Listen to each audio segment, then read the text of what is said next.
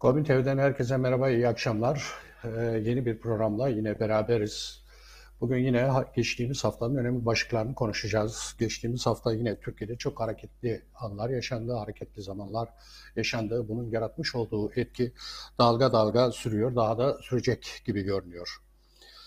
Üç önemli gelişme, diğer ayrıntıları da kuşkusuz önemli ama öne çıkan üç önemli gelişme yaşandı geçtiğimiz hafta Türkiye'de. Bir tanesi e, Ge- Gezi davası idi. Gezi davası ile ilgili e, bir yerel mahkeme karar verdi. E, sanıkların bir bölümü daha tutuklanmış oldu. E, kamuoyu merakla aslında bekliyordu bu davanın e, bu şekilde bitmeyeceğini iyimserlikle umut ediyordu pek çok insan, pek çok hukukçu ama ne yazık ki öyle olmadı. Gezi sanıkları mahkum edildi. Ee, bir başka önemli gelişme e, İstanbul Sözleşmesi ile ilgiliydi. İstanbul Sözleşmesi'ni hükümet e, yürürlükten kaldırınca 200'e yakın kurum anayasaya aykırılık iddiasıyla davacı olmuştu. Danıştay'a başvurmuştu. Dün Danıştay Savcılığı bununla ilgili görüş bildirmiş oldu. Çok kalabalık kitlesel bir katılımla e, bu mesele görüşülmüş oldu. Kadın örgütleri, barolar, hukuk örgütleri, insan hakları savunucuları herkes oradaydı. E, hükümetin iptal kararına karşı görüş bildirmiş oldu Danıştay Savcılığı. Öte yandan 1 Mayıs yaklaşıyor. Ee, Türkiye pek çok ülkede olduğu gibi Türkiye'de bu- buna hazırlanıyor. Pek çok kurum e, 1 Mayıs'ı karşılamaya hazırlanıyor. Bu 1 Mayıs belli ki geçtiğimiz yıllardaki 1 Mayıs'lardan çok daha e, farklı özellikler taşıyacak. Bunun temel nedeni de içinden geçmiş olduğumuz süreçle ilgili. E, Çok büyük bir ekonomik kriz yaşanıyor, bir çevre felaketi yaşanıyor, bir yıkım yaşanıyor. Hayat pahalılığı almış başını gidiyor, işsizlik, açlık e, toplumu derinden sarsıyor. 1 Mayıs'ı bu koşullarda karşılıyor insanlar. E, geçtiğimiz hafta e, çevreyle ilgili de önemli gelişmeler yaşandı. E, Hükümet yine bildiğini okumaya devam ediyor. Kuralsız, hukuka aykırı davranan şirketler tam bir açgözlülükle doğa alanına devam ediyor. E, biraz bunu konuşacağız. Bununla ilgili haberlerimiz olacak. Dersim Belediyesi'nin bir bölümünün elektriğini kesmeye kalktı e, elektrik şirketi borcundan dolayı. Dersim Belediyesi buna müdahale etti, izin vermedi. Onunla ilgili bir haberimiz var, onu sunacağız. Dünyada olup bitenlerle ilgili e, kısa bir değerleme yaptık. Bu hafta onu sizinle paylaşacağız ve her zaman olduğu gibi yine bir kültür sanat e, haberiyle de programımızı bitirmiş olacağız. Ee, Bugün yine güne zamla başlamış olduk. Akaryakıta yeniden hükümet zam yaptı.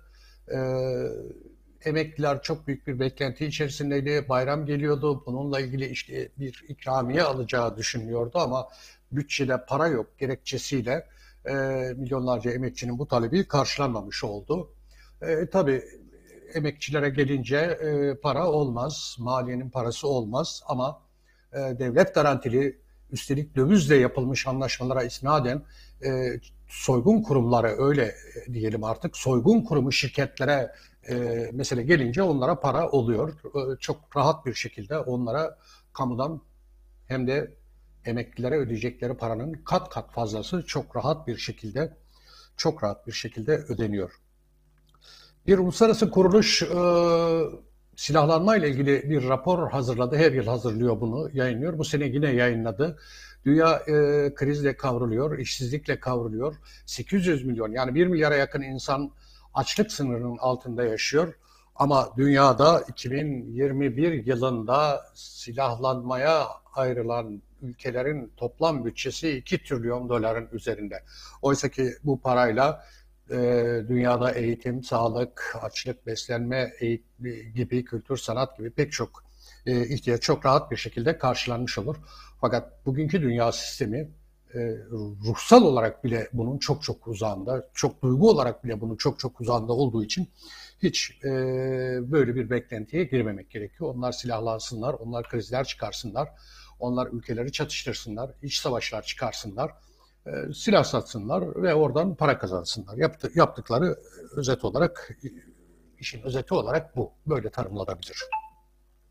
Geçtiğimiz hafta en çok konuşulanlardan bir tanesi Ermeni soykırımı ile ilgili olarak HDP milletvekili Garo Paylan'ın yapmış olduğu bir açıklamaydı. Garo Paylan adeta ırkçılar ve e, muhafazakar çevreler tarafından lince uğradı. Ama duruşundan, istifinden hiç taviz vermedi. Sözlerinin arkasında durdu. Söylediği de özet olarak şöyle toparlanabilir. Garo Paylan dedi ki, bir ulusun, bir ülkenin tarihi katillere, soykırımcılara emanet edilemez. Bir toplum, bir ülke, bir ulus katiller ve soykırımcıları ataları olarak tanımlayıp övünemez. Topluma bunu lütfen sunmayalım. Özet olarak söylediği buydu. Ee, çok da yabana atılır bir görüş değildi bu. Ama her zaman olduğu gibi e, yine sağ ırkçı, milliyetçi kesimler hükümette dahil tabii ayağa kalktılar ve Garop ayları linç etmeye kalktılar. Tekrar başa dönecek olursak, e, demin özetlemiş olduğum e, geçtiğimiz haftanın 3-4 önemli gelişmesinden bir tanesi İstanbul Sözleşmesi ile ilgili gelişmeydi. Dün yaşandı bu. Bununla ilgili sosyolog Özlem Altıok'la e, konuşacağız. Özlem Hanım bunu yakından takip eden bir insan. Çeşitli makaleler yazdı. Kadın hareketin içerisinde aktif olarak bulunan, e, gözlemlerde bulunan, yazılar yazan bir akademisyenimiz. Eğer Özlem Hanım hazır ise e, Özlem Hanım'ı bağlayalım. Çünkü Özlem Hanım Amerika'dan bağlanıyor. Zaman saat farkı var aramızda. Bunu da telafi etmiş olalım. Özlem Hanım geldi. Özlem Hanım hoş geldiniz. Hoş bulduk. Teşekkürler Zafer Bey. Ee, Özlem Hanım, e, ilk haber olarak bugün bu e, İstanbul Sözleşmesi'ni konu edinmek e, istedim ben. E, biraz şöyle dolaştım, baktım, yazılara baktım. Siz bu konuyla ilgili gayet ciddi yazılar yazmışsınız geçmişte. E, Biyanet'ort'ta falan yayınlanmış yazılarınız. Dün e, bir gelişme oldu. 700'e yakın insanın katıldığı ki söylenene göre ilk kez Danıştay tarihinde ilk kez böyle bir şey yaşanıyor. Hukukçular, barolar, kadın örgütleri, e, insan hakları örgütlerinin katılımıyla böyle bir şey oldu ve İstanbul Sözleşmesi'nin AKP hükümeti tarafından e, yürürlükten kaldırılmasıyla ilgili bir tartışma başladı. Savcılık bir görüş bildirdi. Dedi ki hükümetin bunu yapması anayasaya aykırıdır. Bunu sizden bir öğrenmek istiyoruz. Durum nedir? Yakından takip eden bir insan olarak e, sizin görüşlerinizi almış olalım. Savcılık bunu söyledi. E, bundan sonra neler olabilir? Kadın örgütleri ne istiyor? Toplum ne istiyor? Hükümetin açıklamaları var. Okumuşsunuzdur, takip etmişsinizdir. Hükümet nasıl bakıyor meseleye? Ve bütün bunlar size bir gözlemci olarak, bir akademisyen olarak size nasıl yansıyor? Buyurun. Teşekkür ederim. Ee, öncelikle e, ben aslında hem akademisyenim hem de akademisyenlerin e, toplum içinde ve toplum için çalışması gerektiğini, özel olarak e, feminist bir akademisyen olduğum için e, toplumsal cinsiyet eşitliği için, kadın hakları için özelde, LGBTİ hakları için ve toplumsal cinsiyet kalıpları içerine içerisine sıkıştırılıp bu sebeplerden dolayı ayrımcılık ve şiddete uğrayan insanlar için e, çalışmalarımı yürütüyorum diyebilirim. E, dolayısıyla organik olarak e, Türkiye'deki kadın hareketiyle, bulunduğum yerdeki hareketlerle e, mümkün mertebe e, gün be gün ilişki içerisindeyim ve e, oralara da kendi elimden geldiğince katkı sunmaya çalışıyorum. Bunu söyleyerek başlayayım. Kendi pozisyonumu ve konumumu e, açık etmek açısından. E, sorunuza istinaden de dün gerçekten tarihi bir e, gün yaşandı. E, Danıştay heyetinin e, başındaki heyet başkanı tarafından da dile getirildiği üzere Danıştay böyle bir kalabalık e, duruşmaya tanıklık etmemişti. Oradaki hakimlerin aslında hepsini de şaşırtan bir e, katılımla e, bizler, orada olamayanlarımız da, orada olan 700'ü aşkın kadın avukat, 1000'i aşkın top, toplamda yetki belgesi alan avukat yakınen takip etti Yüzlerce kadın oradaydı ve o duruşma salonu ki o duruşma salonunda görülmesi için e, davanın çok fazla emek sarf edildiğini e, biliyoruz. O gün duruşması olan e, kadın e, örgütlerinden 29 Ekim Kadınları Derneği'nin e, çok e, ciddi çabası oldu. E, küçük salonlara sıkışmaması için e, çok da isabetli oldu. Çünkü dün gerçekten Türkiye'nin her tarafından 73'ü aşkın barodan e, kayıtlı avukatlar e, oradaydı ve e, sadece onlar değil kadın haklarını savunan, LGBT haklarını savunan örgütlerden e, temsilciler, aktivistler e, Danıştay'ın önüne geldiler ve aslında e, çok büyük bir olaydı bu. Bunun altını çizmek istiyorum. E, çünkü aslında sadece dün değil, e, İstanbul Sözleşmesi'nden e, çekilme laflarının edilmeye başlandığı andan itibaren Türkiye Kadın Hareketi gerçekten çok büyük bir e, emekle e, İstanbul Sözleşmesi'ne sahip çıktı.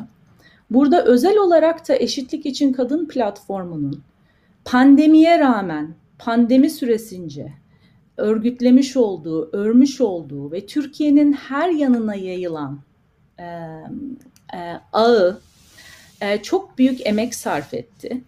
E, dün bu şu anda ekrana yansıttığınız e, görüntülerin ortaya çıkması için gerçekten e, gece gündüz haftalardır e, eşitlik için kadın platformu gönüllüleri çalıştı. Bunu birebir bilen bir insan olarak e, emeklerine e, takdir ettiğimi de burada e, yayınınızda bildirmek istiyorum.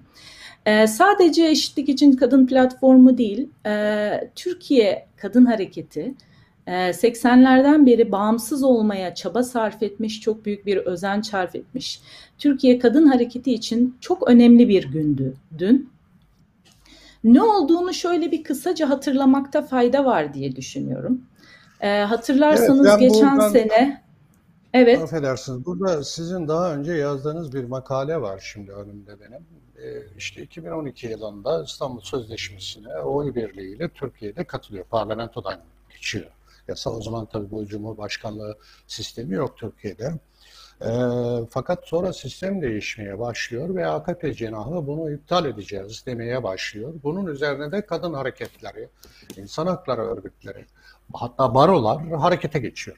Şimdi demin söylüyorsunuz, şimdi eşik e, ve e, barolar var.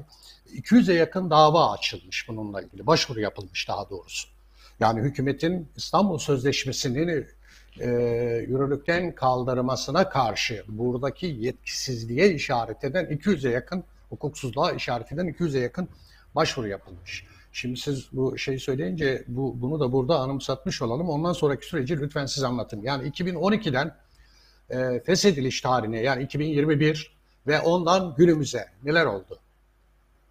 Şöyle evet e, o süreci hatırlarsak 2011 senesinde e, Türkiye Büyük Millet Meclisi'nce e, oy birliğiyle kabul edilen İstanbul Sözleşmesi'nden bahsediyoruz. E, Türkiye Büyük Millet Meclisi'nce oy birliğiyle kabul edilen bir sözleşmeden bahsediyoruz. E, ve burada e, itiraza konu olan e, eylem Cumhurbaşkanı'nın kendi başına tek kişi olarak, tek adam olarak tek bir cümleyle bu sözleşmeyi ki bu bir insan hakları sözleşmesidir. Kadınların insan haklarını güvence altına almak amaçlı yazılmış.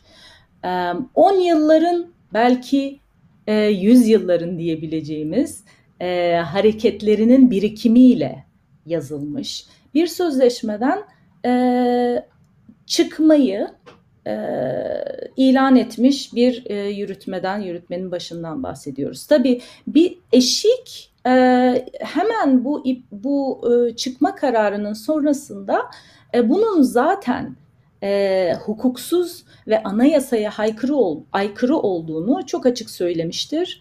E, barolardan da aynı şekilde açıklama gelmiştir. E, geçen senenin Mart ayından bahsediyoruz. 20 Mart 2021 e, günü yapılan açıklamalardan hemen Cumhurbaşkanı'nın resmi gazetede e, Cumhuriyet, Türkiye Cumhuriyeti bakımından feshediliyor e, İstanbul Sözleşmesi dediği karar.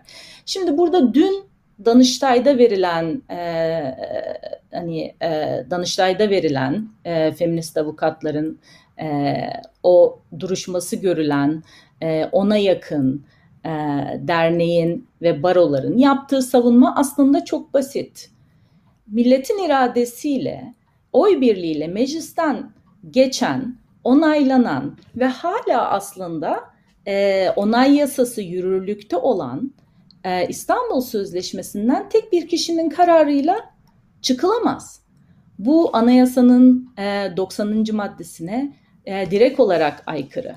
Yani e, Cumhurbaşkanı'nın uluslararası sözleşmelerden çekilme yetkisi yoktur. E, çekilme yetkisi olan durumlar ne bileyim ekonomik anlaşmalar e, ya da ne bileyim bir takım böyle kısa vadeli stratejik e, ikili veya çoklu anlaşmalar vesaire olabilir. Ama insan temel insan haklarını ilgilendiren bir sözleşmeden ve meclisten geçmiş, meclisçe onaylanmış bir sözleşmeden bir tek kişinin kararıyla çıkılamaz. E, aslında savunma e, ve karar iptalinin gerekçesi çok açık. E, ve karar Cumhurbaşkanı'nın 19 Mart 2021'de bir gece yarısı işte ben e, dersem olur şeklinde e, ilan ettiği karar çok açık bir şekilde e tabii ki yani bu ne demektir?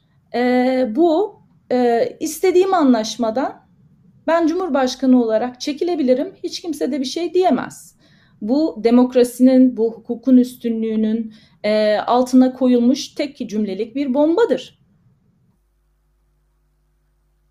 Evet. Dolayısıyla e, İstanbul Sözleşmesi'nden çekilme kararının hukuksuz olduğunu şu anda mesela ekranda görüyorsunuz Sayın e, Avukat Hülya Gülbahar'ın yaptığı e, dün heyette konuşma aynen bunu söylüyor. Çok fazla davalının yaptığı gibi, e, Cumhurbaşkanlığı makamının yaptığı gibi işte e, aslında asılsız diyebileceğimiz ve oldukça zayıf e, savunmanın hiçbir geçerliliği yok ve e, umduğumuz tabii ki temkinli bir şekilde umduğumuz e, Danıştay savcısının e, görüşü doğrultusunda ve o aslında e, yürütme dur, yürütmeyi durdurma için ta 2021'de açılmış olan 200'ü aşkın davada verilen karşı oy yazılarının e, doğrultusunda karar verilmesi ve Danıştay hakimlerinin Cumhurbaşkanı'nın bu kararını iptal etmesidir doğru olan ve beklediğimiz ve temkinli bir şekilde umut ettiğimiz de budur. Pek çok konuda olduğu gibi bu, bu Cumhurbaşkanı'nın bu yasayı İstanbul Sözleşmesi'ni meclisten, parlamentodan oy birliğiyle çıkmış ve yasallaşmış olan e, bu sözleşmenin iptaline ilişkin tartışma sürüyor ve AK Parti cephesinden şöyle diyorlar. Biz bunun aslında çok örneğine şahit olduk. Yani Cumhurbaşkanı işte o yüzden tek adam iktidarı falan eleştirileri çok yaygın olarak yapılıyor.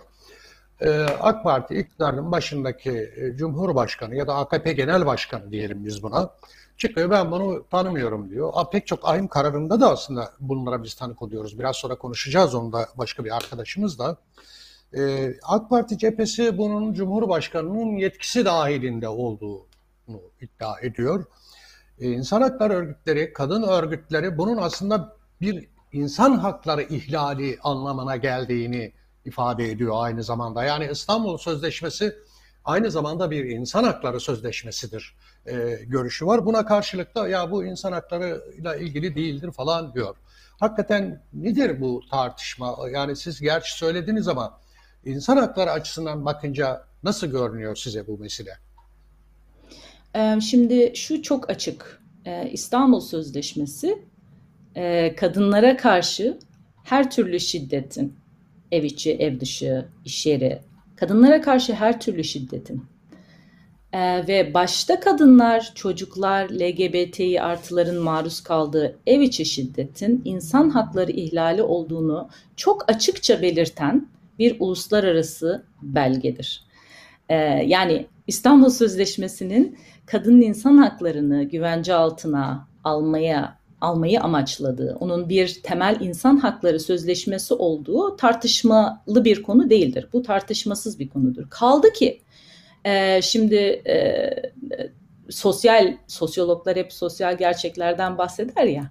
Şimdi sosyal gerçeklere baktığımızda Türkiye'de e, kadınların yani günde en az 3 e, kadın cinayeti haberini aldığımız e, Türkiye'de e, her şekilde e, ulaşımda, sokakta, evde, e, iş yerinde pek çok e, şekilde ayrımcılığa ve şiddete uğrayan, e, bu duygusal olabilir, ekonomik olabilir, fiziksel olabilir, cinsel olabilir, e, şiddete uğrayan e, kadınların ülkesinde ki bu konuyla ilgili yapılmış araştırmalar var. İşte Hacettepe Üniversitesi'nin yaptığı 2004'te, 2000 sanırım 2008'de ve en sonuncusu 2014'te umuyoruz ki yeni araştırmalarda yapılacak.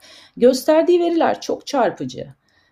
Yani Türkiye'de bu çok büyük bir problem. Cinsel şiddet, fiziksel şiddet ve dahi e, ekonomik ve duygusal şiddet e, bu kadar ciddi bir konuyken biz her gün e, bir kadının bir avukat olsun, bir akademisyen olsun, eşinden boşanmaya çalışan e, bir e, kadın olsun, işte nişan yüzüğünü atmaya çalışan e, bir kadın olsun, istemediği birisiyle evlendirilmek evlendirilmeye çalışılan ve işte sözlüsü veya işte kimi ise kendisine yakın ve ilişkide olduğu bir erkeğin şiddetine e, maruz kalan kadınların ülkesi Türkiye. Yani böyle bir sosyal gerçeklik var. E, dolayısıyla e, kadınların temel insan hakkı, yaşama hakkı, eşit yurttaş olarak e, her alanda eşit temsil edilen e, ve güven içinde e, yaşama hakkı e, her gün bu ülkede tehlike altında. Evet. E, yani ve da... bu, bu hakların ihlal edildiği bir ülkede e, şimdi İstanbul Sözleşmesi'nden çekilmek e, bu hakların ihlalini cesaretlendirmektir. Evet, ee, yani bu durumda şunu rahatlıkla söyleyebiliriz. İstanbul Sözleşmesi iktidar ve müttefiklerinin söylediği gibi bir e, insan hakları meselesi değilin çok ötesinde. Tam tersine onu kapsayan, onu e, koruyan, onu e, biçimlendiren, onu önceleyen, onun haklarını önceleyen bir şey. Hakikaten ben doğrusu biraz anlamakta zorlandım. E, onun için de size sordum. Yani İstanbul Sözleşmesi'ne baktım ben. Yıllardır da tartışılır bu. Ya ama bir hükümet işte çıkıp ya bu insan haklarıyla ilgili bir şey değil falan çok rahat diyebiliyor. Değilse peki ne o zaman? Yani bu onunla ilgili mesela eşit haklar değilse, kadının yaşama hakkı değilse, kadının şiddete uğramama hakkı değilse, kadının eğitim hakkı ise, işte sağlık hakkı ise, özgürlük hakkı ise bunlar eğer değilse o zaman insan hakları ne? Yani bunu insan hakikaten sormadan edemiyor. Evet son olarak söylemek istediğiniz bir şey var mı? Bu arada bu görüntüler de geliyor. Gerçekten insanın içi kabarıyor. Gayet güzel e, e, görüntüler, umut veren görüntüler. Bütün bu karamsar ortam içerisinde bu iyimserlik e, veren görüntüler insan hakikaten hoşuna benim çok hoşuma gitti doğrusu. Başarılı bir şey oldu. Ee, sizin de özel katkılarınız oldu. Pek çok kadın örgütünün katkıları oldu. Ee, baroların katkıları oldu. İnsan hakları örgütlerinin katkıları oldu. Onları buradan özel olarak selamlamak istiyorum ben. Buyurun. Ben son, son bir şey eklemek bir şey istiyorum. Evet, e, özellikle en son bu e, gerekçe konusunda kaldığımız için yani e, gerekçe daha sonra e, yayınlanan e, işte bu Cumhurbaşkanlığının e, İstanbul Sözleşmesi'nin fesine dair verdiği tek kişilik e, hukuksu, hukuksuz kararın gerekçesi olarak yayınlanan işte bu kadın hakları değil LGBT artıların işte alıp bir şekilde manipüle ettiği bir sözleşme haline gelmiştir o yüzden çıkıyoruz falan gibi argümanları hakikaten e, bize şunu düşündürmeli. Burada zaten ciddi bir problem olan kadına karşı şiddeti e, önlemekten bahseden insan hakları sözleşmesi. Bu bir yana bir de bu gerekçeyle başka bu ve bu minvalde gerekçelerle başka hangi insan hakları sözleşmelerinden çıkabiliriz acaba diye düşünmemiz gerekiyor. Yani bu aslında e, hem siyasi hem hukuki bir mesele Ama hem kadın haklarını özel olarak ilgilendiren ve cinsiyet, e, toplumsal cinsiyet bazlı ayrımcılığı e, ilgilendiren ve aynı zamanda e, hukukun üstünlüğü Türkiye'de e, zaten şu anda çok e, kötü e, durumlarda e, durumlardayız bu hukukun üstünlüğü ve e, yetkilerin e, bir elde toplanması meselesi konusunda. E, yani bu ve benzeri gerekçelerle başka hangi insan hakları sözleşmelerinden çıkabilir e, Türkiye? Hepsinden çıkabilir. Eğer bu gerekçeyi kabul edersek ve bu kararın iptalini sağlayamazsak hakikaten çok daha karanlık günler bekliyor bizi. Kaldı ki bu sözleşmeye karşı çıkan marjinal kesimler ki iktidar maalesef ki onları dinliyor ve o e, oylarla herhalde matematikle hesap yapıyor.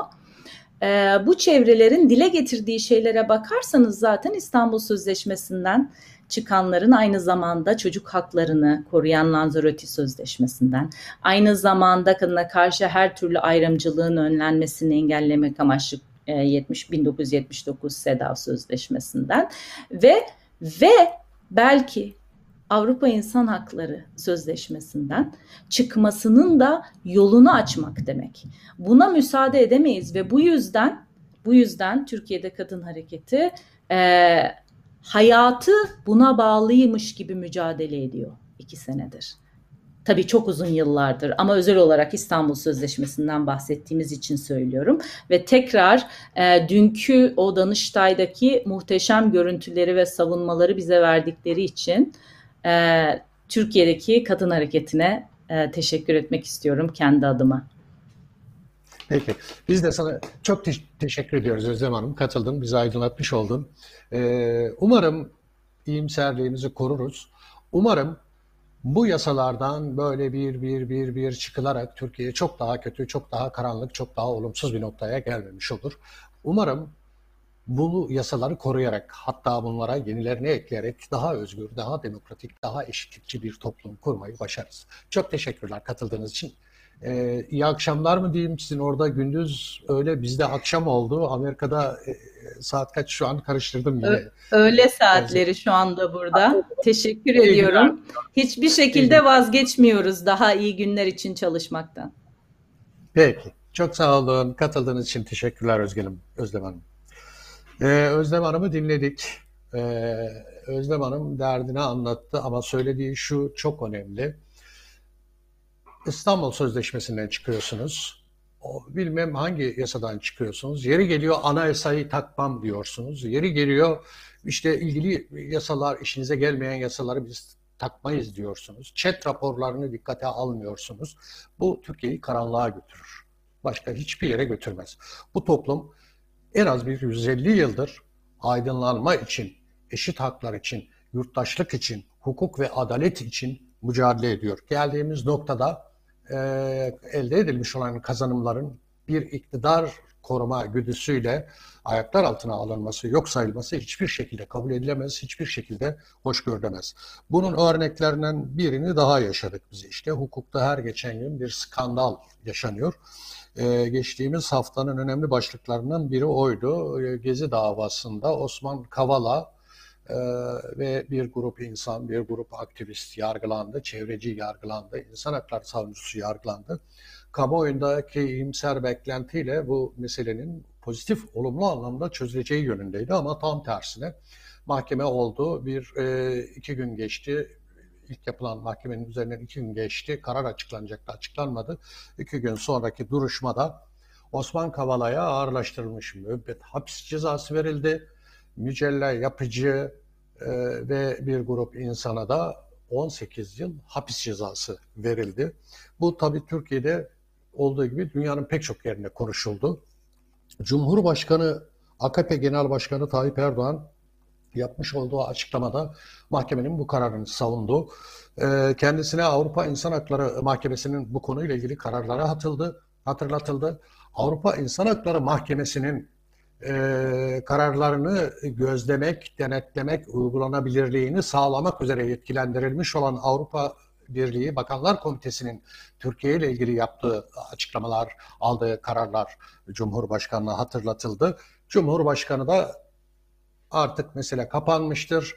Bizim iç hukuk sistemimiz böyle işleyecektir. Ahim dahil hiç kimse bu işe karışamaz gibi bir cevap verdi. Bu konuyu konuşmak üzere bu konulara epeyce emek hasretmiş olan e, değerli avukat arkadaşımız Çiğdem Koç'a görüşlerini soracağız.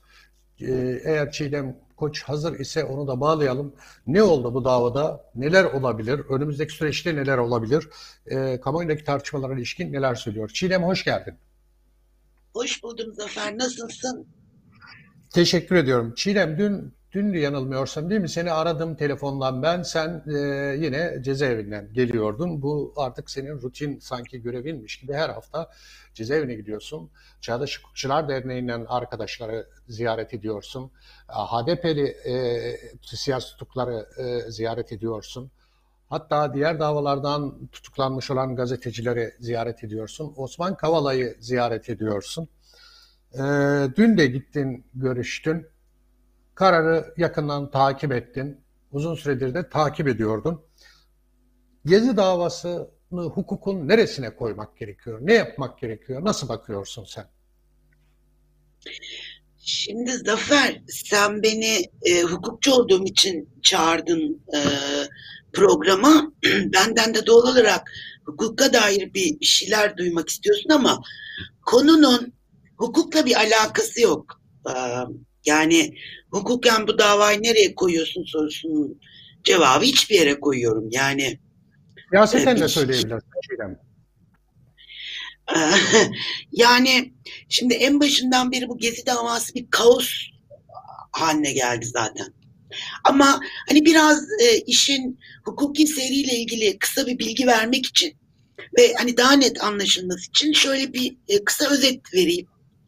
Şimdi Osman Kavala ve e, isimlerini saydın işte Mücella Yapıcı, Can Atalay, Yiğit Ekmekçi, Hakan Altınay, Tayfun Kahraman ve e, bir grup e, Çiğdem Mater, Mine Özer'den e, dosyaları ayrılmış olan ve e, yurt dışında olan bir grup insan Gezi davasında yargılandı. Osman Bey o davanın tek tutuklu sanığıydı. O davada beraat kararı verildi. Ya beraat etti. Şimdi Osman Bey üzerinden söyleyelim. Osman Bey ve diğer sanıklar o dosyadan beraat ettiler.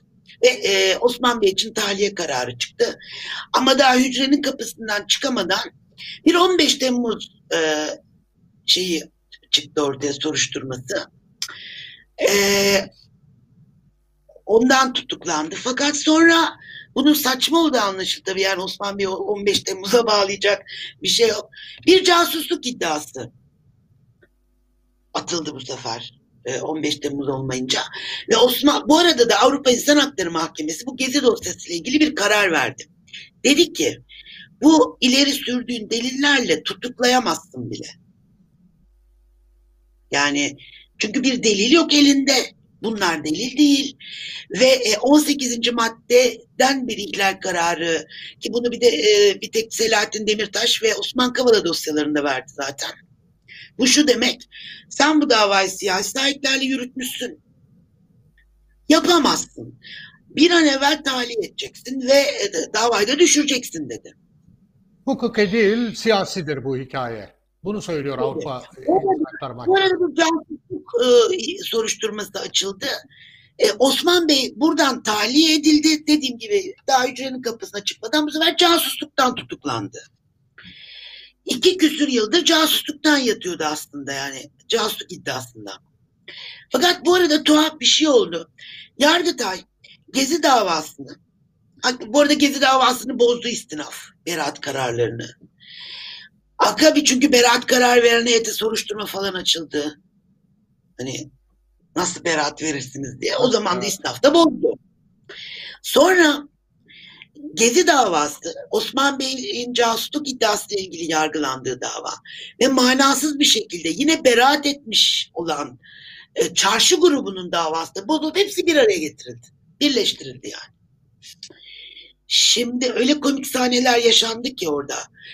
E, çarşı dosyasından yargılanan bir sanığın ya Osman Kavala kim Fenerbahçe'nin yeni stoperi mi e, dediği e, vaki ve duruşmalarda da ya biz tanımıyoruz bu insanları biz niye buradayız dediler. Sonra ne oldu biliyor musun? Savcılık esas hakkında mütalayı verdi. Osman Kavala'yı iki küsür yıldır tutuklu tuttuğu casusluk iddiasından ceza istemedi. E 15 Temmuz zaten olmadı o. Gezi'den ağırlaştırılmış müebbet istedi. Beraat ettiği ve Avrupa İnsan Hakları Mahkemesi'nin ihlal kararı verdi. Dosyana ağırlaştırılmış müebbet istedi. Ama tutuklu tuttuğu casusluk iddiasından ceza istemedi. Nitekim karar günü Osman Kavala ve diğer arkadaşlar Osman Kavala ağırlaştırmış müebbet aldı. Casusluk iddiasından beraat etti. Gezi do- e, çarşı grubu dosyası zaten daha önce ayrılmıştı. E, şimdi böyle bir karmaşa. Ha bu arada 18'er yıl verdiği diğer sanıkların da tutuklanmasına karar verdi. Duruşma salonundan alıp götürdüler. Şimdi bu karmaşayı hukukun herhangi bir yerine koyamazsınız. Hukuk ağlar. Yani böyle bir şey yok. Bu çok açık bir şeydi. Yani Osman Kavala'yı şimdi e, bence Sayın Cumhurbaşkanı'nı birileri yanlış yönlendiriyor. Etrafındaki hukukçular e, sonradan bunun bedelini öderler. Doğru bilgi versinler. Birincisi Osman Kavala henüz hükümlü değil. Bu karar daha kesinleşmedi. Ama bunun da bir önemi yok. Çiğdem onu da soracaktım. E, çünkü Cumhurbaşkanı dün yapmış olduğu açıklamada bu davayla ilgili dedi ki e, ahimi sordular, ahim kararlarını sordular. Ahim artık bu işlere karışamaz çünkü Osman Kavala artık ceza almış bir hükümlüdür dedi. Hatta e, aşağıladı dedi ki bunlar hukuk da bilmiyor dedi, boş konuşuyorlar dedi. Gerçekten hukuk bilmiyor mu bu insanlar? Mesela sen de şimdi bunu söylüyorsun. Siz hukuk bilmediğiniz için Cumhurbaşkanı daha iyi bildiği için mi böyle konuşuyor? Ama bir Nedir? şu anda bir tehdit etmedim değil yani e, konuyla ilgili ama ya tabii o Cumhurbaşkanı bize söylemiyor onu. O, onu kendi tabanına söylüyor. Yani bize ya da Avrupa İnsan Hakları Mahkemesi'ne söylemiyor ki onu. Kendi tabanına söylüyor. Onlar da inanıyorlar. Ya da ikinci ve çok vahim bir şey. Dediğim gibi yanlış bilgilendiriliyor. Şimdi Osman Kavala henüz hükümlü değil. Ee, yerel mahkemenin karar vermesi e, bir sanığı hükümlü yapmaz. E, duruma göre istinaf aşaması vardır, yargıtay aşaması vardır. E, yargıtay dosyayı onayıp kesinleştirene kadar hiç kimse hükümlü değildir. Bu bir. İki, Avrupa İnsan Hakları Mahkemesi yerel mahkemenin verdiği kararla ilgilenmez artık. Çünkü Avrupa İnsan Hakları Mahkemesi o dosyayla ilgili çok daha önce ihlal kararı verdi. O ihlal kararına uygun bir e, uygulama yapılmadığı için de Avrupa Konseyi'nde ihraç prosedürünü başlattı. Şimdi yerel mahkemenin verdiği karar Avrupa İnsan Hakları Mahkemesi'ni ilgilendirmez. Doğru söylüyor o açıdan. Yani o, o, o karara bakmaz o. Yani eğer kendisine şunu dedilerse ve o bunu söylemek istiyorsa anlarım. Avrupa İnsan Hakları Mahkemesi artık yerel mahkeme kararıyla ilgilenmez. Doğru söylüyor, ilgilenmez. Çünkü zaten bir ihlal kararı verdi. Ama Osman Kavala hükümlü değil. Diğer sanıklar da hükümlü değil. Şimdi hükümlü olmak başka bir şey, tutuklu olmak başka bir şey. Şu anda Osman Kavala Avrupa İnsan Hakları Mahkemesi'nin e, bir delil yok. Bu dava siyasi bir davadır. Tut, acilen tahliye edip davayı düşür dediği bir davada e, yatıyor şu anda içeride. Ya tutuklu da denemez kendisine. Yani tutuklu olmak bir hukuki müessesedir sonuçta. E, bu bir tutukluluk da değil. Bir Ama tabii, e? E tabii yani e, ben şimdi bu kararları veren hakim ve savcıları gerçekten anlayamıyorum. E, çok daha işte geçmiş dönemlerde, geçmişin her döneminde gücün kendisinde olduğunu düşündükleri e, dönemlerde korkunç hukuksuzluklara imza atan hakim ve savcıların sonradan başlarına gelenleri hiç mi görmüyorlar? Yani bugün e, Bu, bunu anlamak çok güç. Şimdi bu, bu burada bir suç var ya. Bu hukuksuzluk bir suçtur aslında. Ama e, bugün e, öyle bir durumdayız ki Türkiye'de e, gücü eline geçiren, hukuku hukuka sahip olan kendisini yenilmez zannediyor. Bu her dönem böyle olmuş. İkincisi hukuksuzluğa uğrayan kitleler herkes kendi derdine düştüğü ve başkasının uğradığı hukuksuzluğu zerre kadar umursamadığı hatta alkışladığı için e, hukuksuzluk yapan veya hukuksuzluk zihniyeti kazanıyor. Mesela şunu söyleyeyim ben. Aynı heyet bu heyet yani Osman Kavala'yı ve diğer sanıkları yargılayan bu heyet. Aynı zamanda Ahmet Altan, Mehmet Baransu ve Taraf gazetesi yöneticilerini de yargılayan heyet. Oradaki hukuksuzlukları anlatamam. Ben o dosyada vekilim. Ama o heyet e, karar verdiğinde bir sürü yalan söyleyerek o kararın üstünde tepinip alkışladılar. Şimdi geçen gün e, Adalet Bakanı'nın bir tweetini gördüm ben. Şimdi uzun bir tweet bir yerinde diyor ki mahkeme e, işinize geldiği bir karar verince yargı var. İşinize gelmeyen bir karar verince talimat alıyor diyorsunuz diyor. Haklı. Aynen öyle oluyor çünkü. Başkası hukuksuzluğa uğradı mı ses çıkarma, görme. Hatta eğer işine geliyorsa ve sevmediğin biriyle ilgili bir kararsa bunu alkışla, zemin hazırla. Hukuk, kendi, başkaları hukuksuzluğa uğradığında bunları yapanlar kendi hukuksuzluklarının yolunun taşlarını döşer. Çok güzel bir söz vardır. Ben meslek hayatıma başladığımdan beri her gün bir kere aklımdan geçiririm. Dostlarımızı zaten kollarız. Hukuk düşmanımız içindir. Evet. Şimdi bu kadar ilkesiz bir kitle yani bu bir ilke meselesi. Osman Kavala, Selahattin Demirtaş, Ahmet Altan, Mehmet Baransu, Alpaslan Kuytul, Ebu Hanzala hiç fark etmez. Kişilerle ilgilenmeyip ilkelerle hareket ettiğin zaman zaten e, oran buran oynamaz yani. Netsindir. Şimdi bizde böyle bir ahlak yok. Ben bunu hep söylüyorum. Bu bir ahlak sorunu. Demokrasi ahlakı da yok, hukuk ahlakı da yok. Ne oluyor? Eğer daha önce yapılan hukuksuzluklara herkes ses çıkarsaydı bu kadar kolay bu kararlar verilmezdi. Şimdi Osman Kavala gibi bir adam sevmedi, görüşünü beğenmediğiniz, kişiliğini sevmediğiniz biriyle ilgili hukuksuz bir karar çıktığında siz buna sessiz kalırsanız, buna hani hatta içten içe o olsun derseniz eğer başka alanda Dışa diyorlar. Yani. Bu, bu, hani, bu çifte standart bu hakikaten ben nasıl inanacağım senin yargı istediğine, gerçekten hukuk istediğine, gerçekten adalet peşinde olduğuna? Yani ya bu soytarılık bitmiyor bu ülkede ya. Ben bakıyorum şimdi kanallara e, gezi kararından beri. Herkes adalet peşinde. Herkes ama yani aklın durur.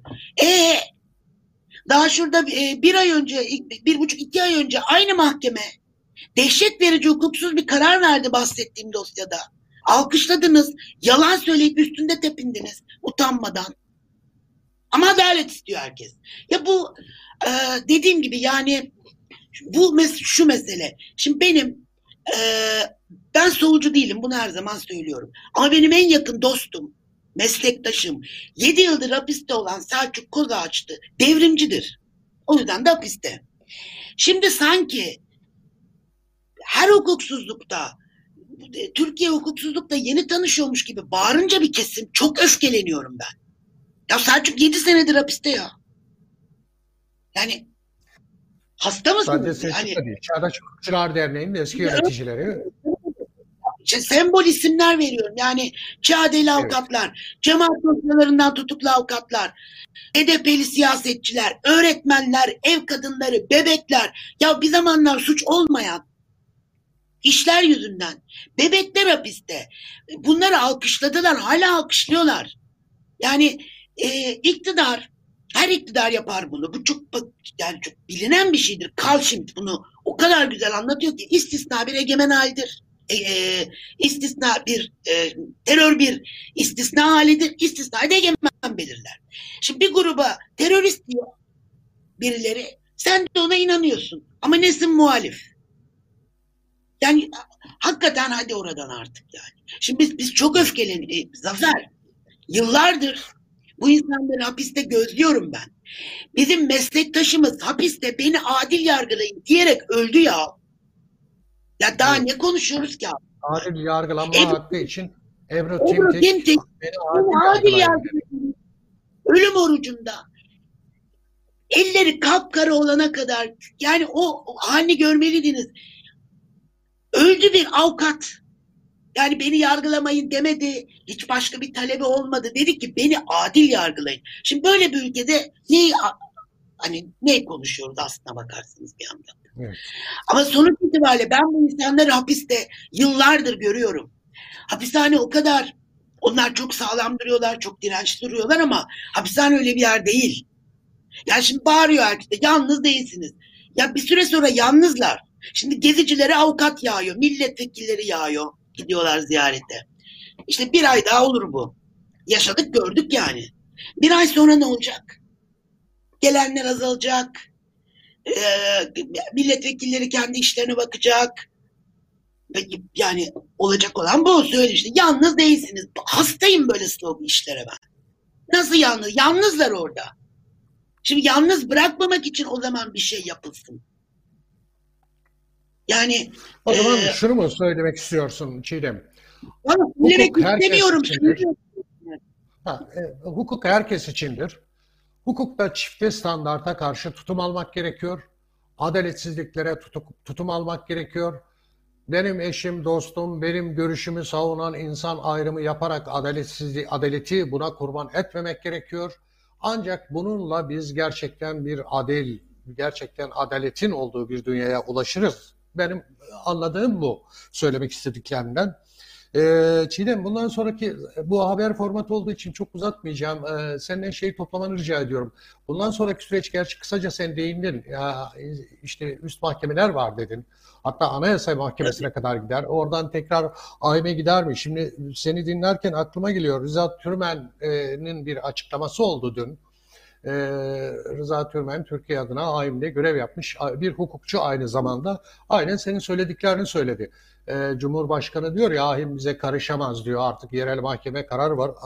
Rıza Türmen de diyor ki senin demin ifade ettiğin şeyi söylüyor.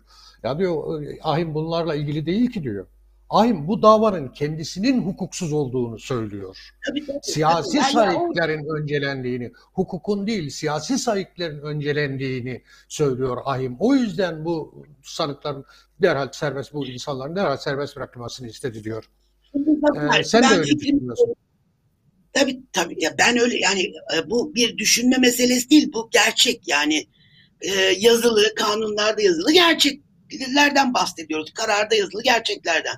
Ben şunu söyleyeyim bu ağırlaştırılmış müebbet kararları bu diğer mahkumiyet kararları bozulacak. Hiç yani bundan hiçbir şüphem yok. Çünkü Olmaz yani e, yürümez o. Hani o, o ağırlaştırılmış idam ya ağırlaştırmış muhabbet. Eğer idam kararı olsa idamın karşılığı işte yani. Bu e, kararlar bozulacak. Ya, orada hiçbir sıkıntı yok. Ahmet Altan, Mehmet Altan nazlanacak, ağırlaştırmış müebbetler aldılar. E ne oldu gördük sonra yani. Yürümez. Çık- çık- çıkaramazsın oradan bir hikaye. Ama şöyle bir durum var tabii. Ne zaman? Bu bir süreç ve 5 yıla yakındır hapiste olan bir Osman Kavala daha ne kadar hapiste kalacak? Yeni tutuklananlar 72 yaşında Mücella Hanım ve bir sürü Evet. hastalıkları var. Yani e, şimdi önemli olan bu süreç. Tıpkı işte Selahattin Demirtaş çıkacak, Selçuklar çıkacak. Ben bu- bunu biliyorum. Yani hukuk Ama asla telafisi- ölmez. Ama telafisi çok çok zor Evet. olacak. Hatta telafi edilemeyecek sonuçlar doğuracak bu. Yıllarını Nereden alıyorsunuz insan. Selahattin Bey'in kızlarının fotoğrafını gördüm. Başka bir yerde söylemiştim. Genç kız olmuşlar.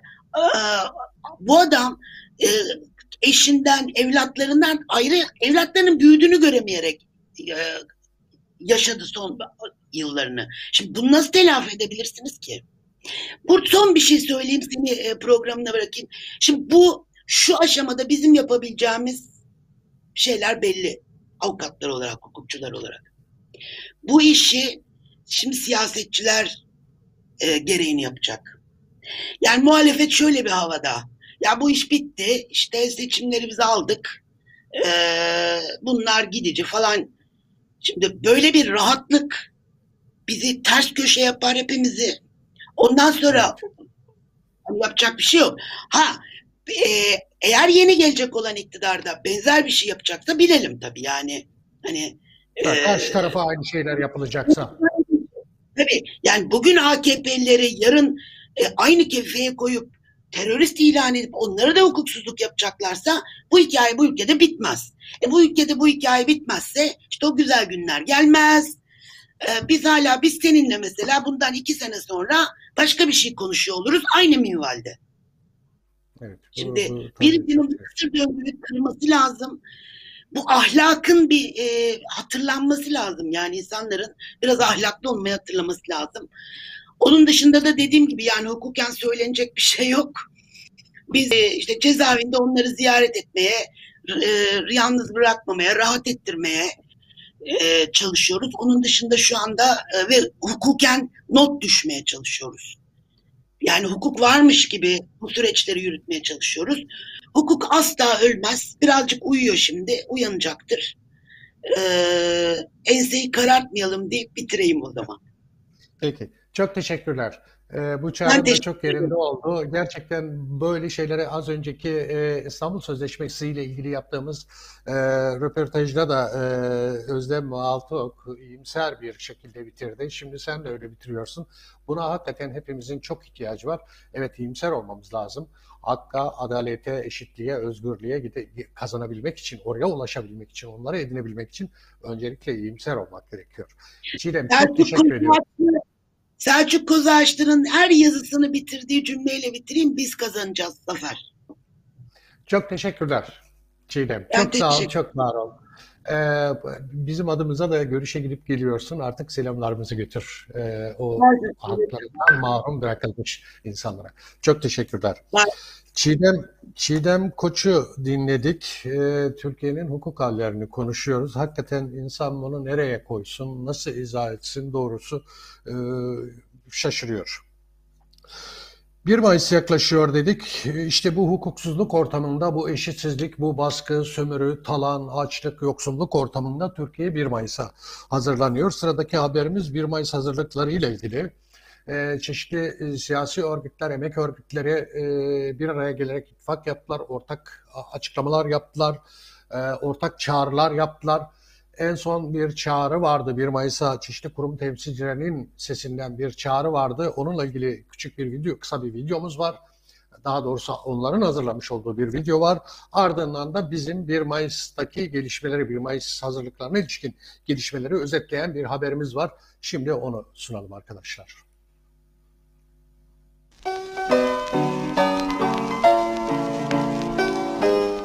Alın teri dökenler, işçiler, emekçiler, hak mücadelesi verenler hepinize merhaba. Bu 1 Mayıs'ı zenginlerle yoksullar arasında uçuruma dönüşen mesafeyle karşılıyoruz. İşçi ve emekçileri acımasızca çarklara süren patronlar krizin tüm yükünü yoksul halkın sırtına bindiriyor. Asgari ücrete yapılan zamlar şimdiden pul oldu. Temel ihtiyaç ürünlerine yönelik zam yağmuru pervasızlaşarak devam ediyor. Ülkeyi uluslararası tekellerin ucuz emek cennetine dönüştüren ve talan politikalarına yol veren AKP hükümeti yaşanan bu yoksulluğun asıl siyasi sorumlusudur. Kürt sorunu ve diğer tüm toplumsal sorunları şiddet ve savaş politikalarıyla çözme ısrarı Türkiye'yi krize ve yoksulluğa sürüklüyor. Gençler gelecekten umudunu kesti, kadınlar ise her gün öldürülmeye devam ediyor. Toplum tüm bu yıkım karşısında elbette isyan ediyor, direniyor. Milyonlar zulme, baskıya ve inkara karşı meydanları doldurarak kararlılıklarını ortaya koydular. Şimdi bütün bu mücadele ruhunu 1 Mayıs'a taşımanın zamanıdır. Özgürlük, emek, demokrasi ve barış için 1 Mayıs'ta meydanları dolduralım. Bunu 8 Mart'ta alanları dolduran kadınlar ve Kürt halkı başta olmak üzere eşitlik ve özgürlük talepleriyle Nevruz alanlarını dolduran yüz binlerin görkemli serhıldanı gösterdi. Şimdi 1 Mayıs alanlarını halk denizine çevirme zamanı. 1 Mayıs işçi sınıfı ve yoksul halkın katlanan yoksulluğa, bitmek bilmez zamlara karşı ayağa kalkma günüdür. Bu gidişata en güçlü şekilde dur deme günüdür. Her milliyetten işçilerin, her ulustan halkların birlik, mücadele ve dayanışma günüdür. İşçi sınıfının birlik, mücadele ve dayanışma günü uluslararası sermayeye, işsizliğe, yoksulluğa, sefalete ve gericiliğe karşı internasyonel mücadele ve dayanışmanın bir parçası olacak. Tüm halkımızın 1 Mayıs'ını şimdiden kutluyoruz. Halkımızı ekmek, adalet, demokrasi ve özgürlük için 1 Mayıs'ta alanlara, meydanlara, sokaklara çağırıyoruz. Yaşasın 1 Mayıs.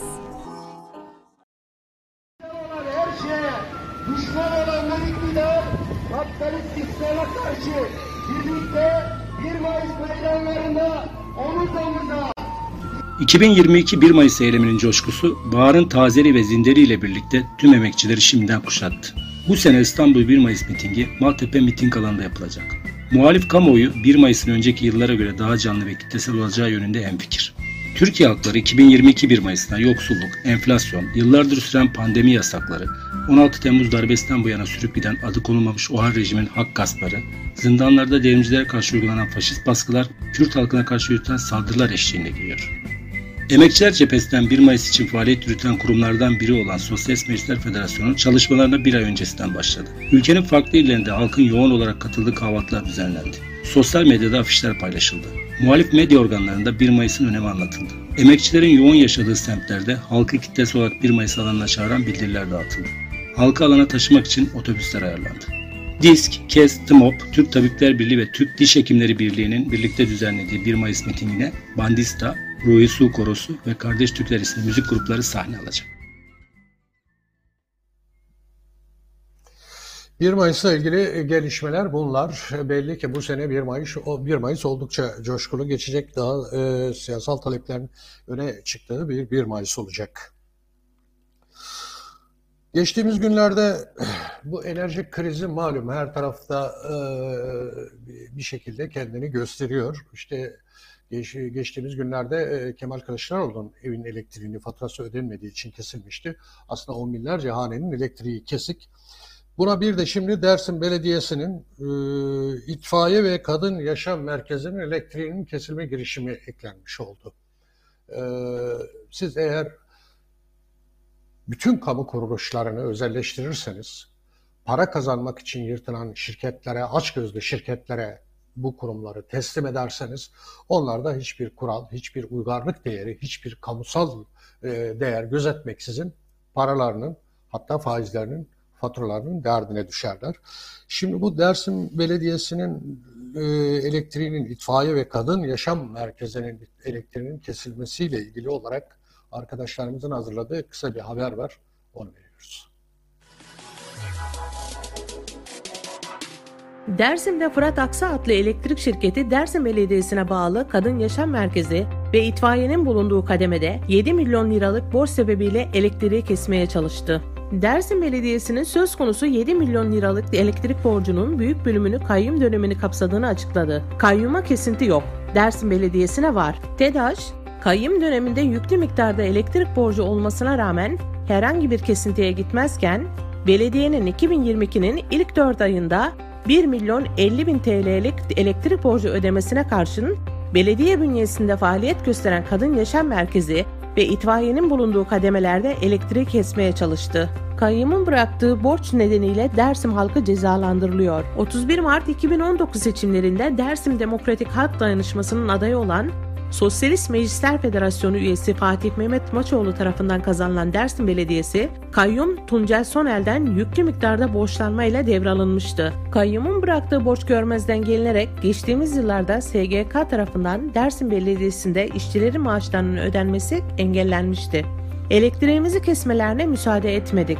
Duruma tepki gösteren Dersim Belediye Başkanı Fatih Mehmet Maçoğlu, belediyemiz itfaiye biriminin elektriğini zorla kesmeye gelen görevlilere belediye personelimizce müsaade edilmemiştir.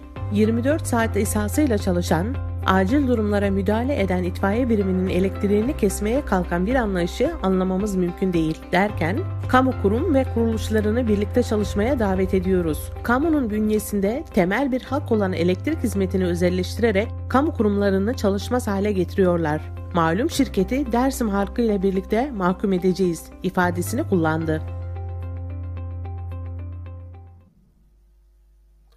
Evet söylediğimiz gibi siz e, her şeyi özelleştirirseniz, dangasler şirketlerin eline verirseniz işte gider e, belediyenin itfaiyesinin elektriğini kesmeye kalkar. Üstelik hakikaten de çok çarpıcı. Yani yıl, orada kaç yıl kayyum kaldı. Kayyumdan kalan borç orta yerde duruyor. O zaman hiç müdahale etmiyorsunuz. Bir yıllık, bir buçuk yıllık bir borçtan dolayı gidiyorsunuz. Belediyenin kapısına dayanıyorsunuz. Elektriğini kesmeye kalkıyorsunuz.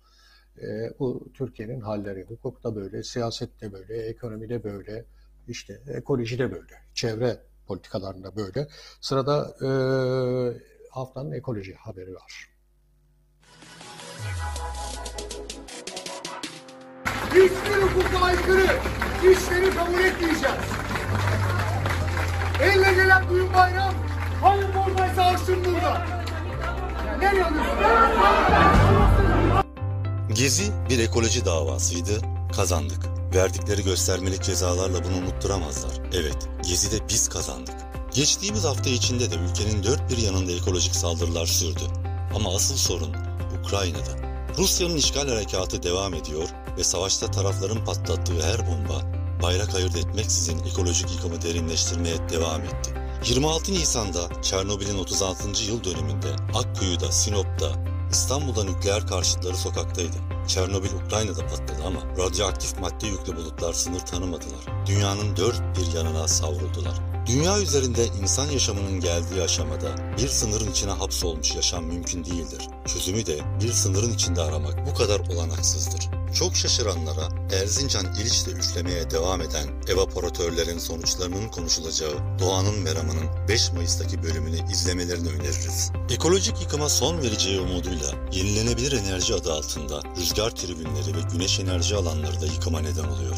Verimli tarım alanları ya da mera alanlarına yapılmak istenen bu santrallerin kendisi ekolojik yıkıma neden oluyor. Yenilenebilir enerjiye evet ama sadece rüzgar ya da güneş enerjisi olması yetmiyor. Nereye yapılıyor ve nasıl yapılıyor sorularına da olumlu cevaplar verilmesi gerekiyor. Geçtiğimiz hafta içinde İzmir'in Karaburun ilçesinde de güneş enerji santralleri için yapılmak istenen çevresel etki değerlendirme toplantısı halk tarafından engellendi. 23 Nisan'da Çocuk Bayramı kutlandı. Herhangi bir bayramı içinde bulunan konjonktürden soyutlayarak değerlendirmek mümkün değildir. Felaket boyutuna doğru evrilmekte olan iklim krizi aynı zamanda ve belki de asıl olarak bir çocuk halkları krizidir. Çünkü dünyadaki 2.2 milyar çocuktan 1 milyarı iklim krizi için yüksek riskli 33 ülkede yaşamaktadır. Çocukların acılı bir geleceği yaşamamaları için verilen mücadeledir ekoloji mücadelesi. Havaların ısınmasıyla beraber Marmara'daki kirlilik denizin üstüne de çıkmaya başladı. Kocaeli, Yalova, Bursa, Balıkesir, Çanakkale, Tekirdağ ve İstanbul'da bulunan dereler her tür atığı bulundurursa Marmara'nın yok oluşu da kaçınılmaz olur. Havanın ısınması bir başka tür yıkım uygulamalarına da neden oluyor. Bombalanan alanlarda yangın çıkıyor. Atılan bombalar hem üretilirken hem bomba atmak için uçakların uçuşu, hem bombaların patlama anında yarattığı ortam ve hem de atıldıkları alanlarda yarattıkları sonuçlar itibariyle birer ekolojik yıkım araçlarına dönüyorlar. Türkiye'de ve Mezopotamya'nın bütününde çeşitli bayrakları taşıyan uçaklar bombalamaya devam ediyor. Hangi bayrak altında olursa olsun savaş sanayiyi kazanmaya devam ediyor ve ama ekolojik kırım da devam ediyor. İklim krizi de felakete doğru evriliyor. Uluslararası kapitalizm dünya üzerinde insan soyunu bitirme yolunda hızla ilerliyor. Şakası yok. Ya hep birlikte yok olacağız ya da durduracağız. Son olarak da umutlu bir haberimiz var. 27 Nisan'da Ankara'da yapılan Fatsa'daki altın madeni için kapasite arttırımı toplantısında itirazlar kabul edildi. Çevre ve Şehircilik ve İklim Bakanlığı kapasite arttırımı başvurusunu reddetti. Ordu ve Fatsa'da yaşanan ekolojik yıkımlar 19 Mayıs Perşembe akşamı Doğanın Meramı yayınında etraflıca ele alınacak. Evet, e, bu haftanın ekoloji haberi de buydu. E, dünya haberlerine geçiyoruz. Kısa bir dünya haberi turumuz var. Eğer hazırsa onu verelim arkadaşlar.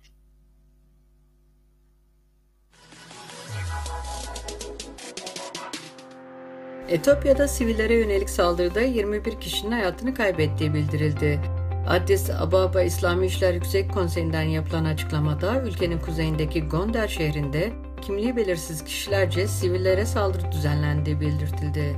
Açıklamada planlı bir katliam olarak nitelendirilen saldırıda 21 kişinin yaşamını yitirdiği, kadınların tecavüze uğradığı, şehirdeki bazı camilerin ve Müslümanlara ait varlıkların tahrip edildiği kaydedildi.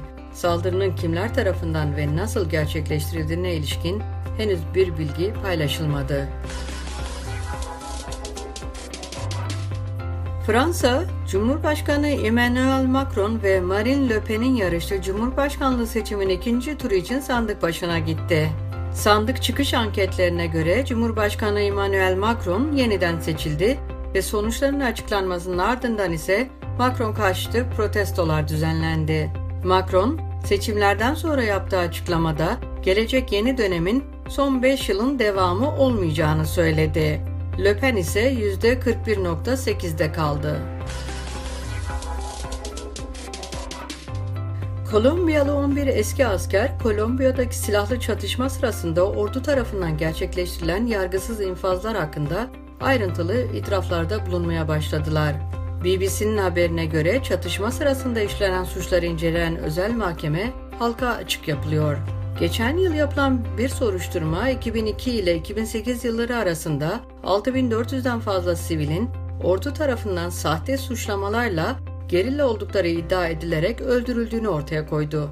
Eski asker Nestor Gutierrez katledilenlerin akrabalarına masum insanları çiftçileri öldürdük dedi. 2016'da Kolombiya Devrimci Silahlı Kuvvetleri farka bağlı gerillalar ile Kolombiya hükümeti arasında imzalanan barış anlaşmasının bir parçası olarak kurulan barış için özel yargı yetkisi mahkemesinin salı günkü duruşmasında yaklaşık 100 akraba hazır bulundu. Guterres, burada olmak kolay değil çünkü burada bulunanların akrabalarını öldürdüm. Eski asker sivilleri yalanlar ve aldatma yoluyla acımasızca vurup öldürdüğü yerlere nasıl götürdüğünü anlattı. Gerilla savaşçıları olduklarını öne sürmek için üzerlerine silahlar yerleştirdim. Onların ve ailelerinin adını lekeledim diyen asker, tüm bunların sivilleri isyancı olarak göstererek ordunun öldürme oranını arttırma ve isyancı gruba karşı silahlı çatışmanın kazanıldığı izlenimini vermek için yapıldığını söyledi. 11 itirafçı askerden 6'sı 2007 ile 2008 yılları arasında Kolombiya'nın doğusundaki Catatumbo bölgesinde en az 120 sivilin öldürülmesi ve savaş ölümleri olarak lanse edilmesinin de sorumluluğunu üstlendi. Duruşmada katledilenlerin yakınları da konuştu. Dünya haberlerimizde kısaca buydu. Ee, geleneksel olarak yaptığımız gibi yine kültür sanat haberlerimize geldi sıra. Gazete Patika'nın hazırlamış olduğu kısa kitap tanıtım programını sunuyoruz. Bu hafta Gazete Patika'nın yeni çıkan kitaplar arasından derleyerek Patika'nın kitaplığı başlığıyla tanıttığı eserler şöyle. Miyop Doğan Yarıcı Yapı Kredi Yayınları Miyop Doğan Yarıcı'nın Evla ile başlayan öykü serüveninde 5. kitabı. Öyküler Çift Haseki Paşa, Hep Şefkati Seç, Fıstıkçı Şahap, Alt yazılar otomatik oluşturuldu. Parçası benim başlıklı 5 bölümde toplanıyor.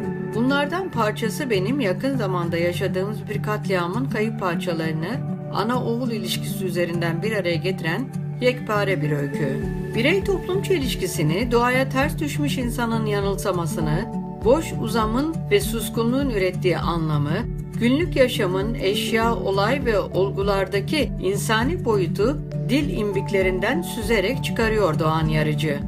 Ne anlatılırsa anlatılsın, önceliğin dilde ve biçimde olduğunu, yazının mutlak egemenliğinde kalem oynattığını belli ediyor. Miyop, politik, ironik, melankolik, minik ve sert öykülerle dolu bir kitap. Devlet, düzen, anarşi, Türkiye'de edebiyat ve antikomünizm. Fatih Yaşlı, Yordam Yayınları.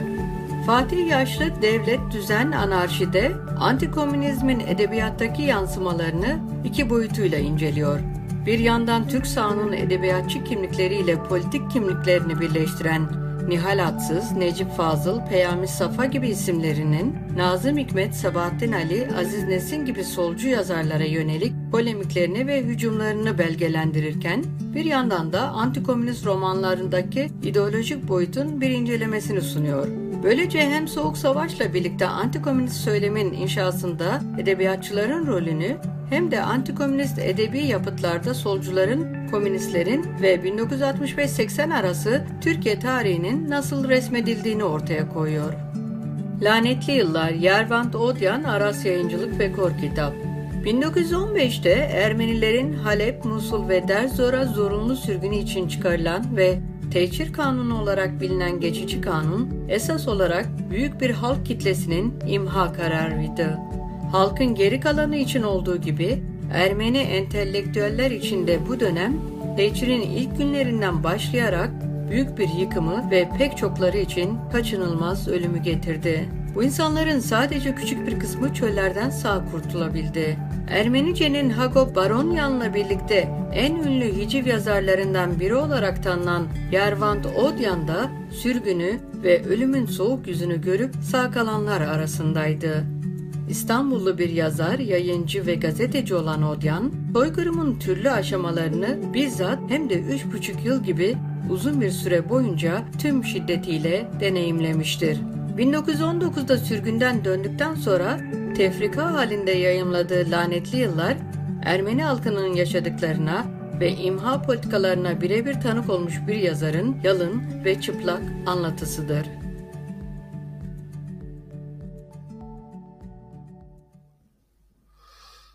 Evet, Patika kitapların, gazete Patika kitaplarının hazırlamış olduğu bu son haberimizle bu haftaki yayınımızı da bitirmiş oluyoruz.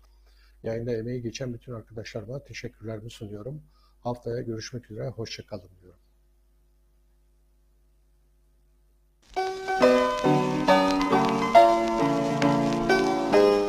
Alın teri dökenler, işçiler, emekçiler, hak mücadelesi verenler hepinize merhaba. Bu 1 Mayıs'ı zenginlerle yoksullar arasında uçuruma dönüşen mesafeyle karşılıyoruz. İşçi ve emekçileri acımasızca çarklara süren patronlar krizin tüm yükünü yoksul halkın sırtına bindiriyor. Asgari ücrete yapılan zamlar şimdiden pul oldu. Temel ihtiyaç ürünlerine yönelik zam yağmuru pervasızlaşarak devam ediyor. Ülkeyi uluslararası tekellerin ucuz emek cennetine dönüştüren ve talan politikalarına yol veren AKP hükümeti yaşanan bu yoksulluğun asıl siyasi sorumlusudur. Kürt sorunu ve diğer tüm toplumsal sorunları şiddet ve savaş politikalarıyla çözme ısrarı Türkiye'yi krize ve yoksulluğa sürüklüyor. Gençler gelecekten umudunu kesti, kadınlar ise her gün öldürülmeye devam ediyor. Toplum tüm bu yıkım karşısında elbette isyan ediyor, direniyor. Milyonlar zulme, baskıya ve inkara karşı meydanları doldurarak kararlılıklarını ortaya koydular. Şimdi bütün bu mücadele ruhunu 1 Mayıs'a taşımanın zamanıdır. Özgürlük, emek, demokrasi ve barış için 1 Mayıs'ta meydanları dolduralım. Bunu 8 Mart'ta alanları dolduran kadınlar ve Kürt halkı başta olmak üzere eşitlik ve özgürlük talepleriyle Nevruz alanlarını dolduran yüz binlerin görkemli serhıldanı gösterdi. Şimdi 1 Mayıs alanlarını halk denizine çevirme zamanı. 1 Mayıs işçi sınıfı ve yoksul halkın katlanan yoksulluğa, bitmek bilmez zamlara karşı ayağa kalkma günüdür. Bu gidişata en güçlü şekilde dur deme günüdür. Her milliyetten işçilerin, her ulustan halkların birlik, mücadele ve dayanışma günüdür. İşçi sınıfının birlik, mücadele ve dayanışma günü uluslararası sermayeye, işsizliğe, yoksulluğa, sefalete ve gericiliğe karşı enternasyonel mücadele ve dayanışmanın bir parçası olacak. Tüm halkımızın 1 Mayıs'ını şimdiden kutluyoruz. Halkımızı ekmek, adalet, demokrasi ve özgürlük için 1 Mayıs'ta alanlara, meydanlara, sokaklara çağırıyoruz. Yaşasın 1 Mayıs.